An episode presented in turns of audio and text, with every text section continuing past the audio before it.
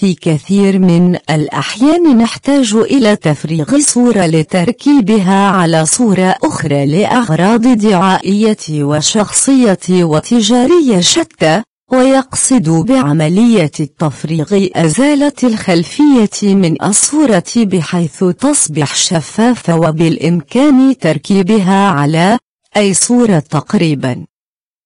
ويمكن القيام بذلك بسهولة على الفوتوشوب حيث لن تحتاج إلا لبعض التركيز.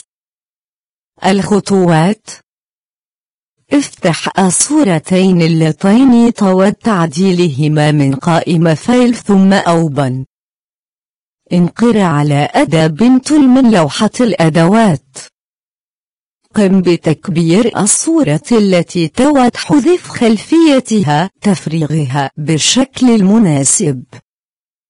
ابدأ بتحديد المكان الذي تود تفريغه من الصورة ولا تستعجل وحافظ على تركيزك وكن دقيقا بالتحديد. وبعد أن تنتهي من التحديد انقر بالزر الأيمن للفأرة الماوس واختر Make Selection ستظهر نافذة دع الأعدادات الافتراضية كما هي وانقر على زر OK سيظهر خطوط منقطة على الرسم المحدد.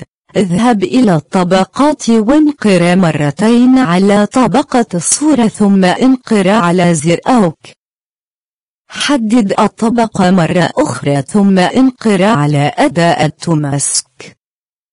ستلاحظ أن الخلفية قد تم إزالتها والصورات أصبحت مفرغة حدد الطبقة مرة أخرى وانقر عليها بالزر الأيمن للفأرة الماوس واختر أبلي مسك وذلك حتى تتمكن من تركيب الصورة على صورة أخرى. فيما بعد اختر أداة الممحى من منطقة الأدوات وقم بتصغير حجمها بالضغط على مفتاح جيم في لوحة المفاتيح ثم قم بتكبير الصورة لأقصى حد ممكن وابحث عن أي شيء خاطئ في الصورة قد ترغب في أزالته لتبدو الصورة أكثر واقعية ودقة.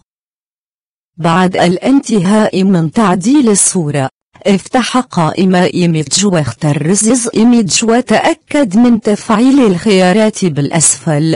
كما في الصورة أدناه وقم بتصغير الصورة إلى الحجم الذي تراه مناسبا بحيث تدخل قيمة العرض أو الارتفاع وسيتولى البرنامج تعديل القائمة الأخرى تلقائيا.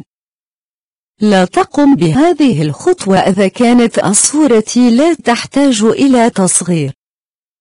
قم بتحديد الصورة باستخدام أداة التحديد من منطقة الأدوات ثم من قائمة Edit اختر Copy قم بتفعيل النافذة الخاصة بالصورة الأخرى بالنقر عليها ثم من قائمة Edit اختر Paste.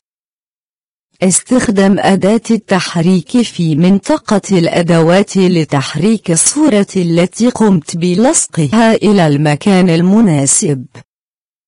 لحفظ صورة اختر قائمة File ثم Save for Web ثم اختر الصيغة JPG أو PNG-24 بالنسبة للصورة المفرغة الشفافة ينصح بحفظها بصيغة PNG-24 وتفعيل خيار Transparency للمحافظة على شفافيتها.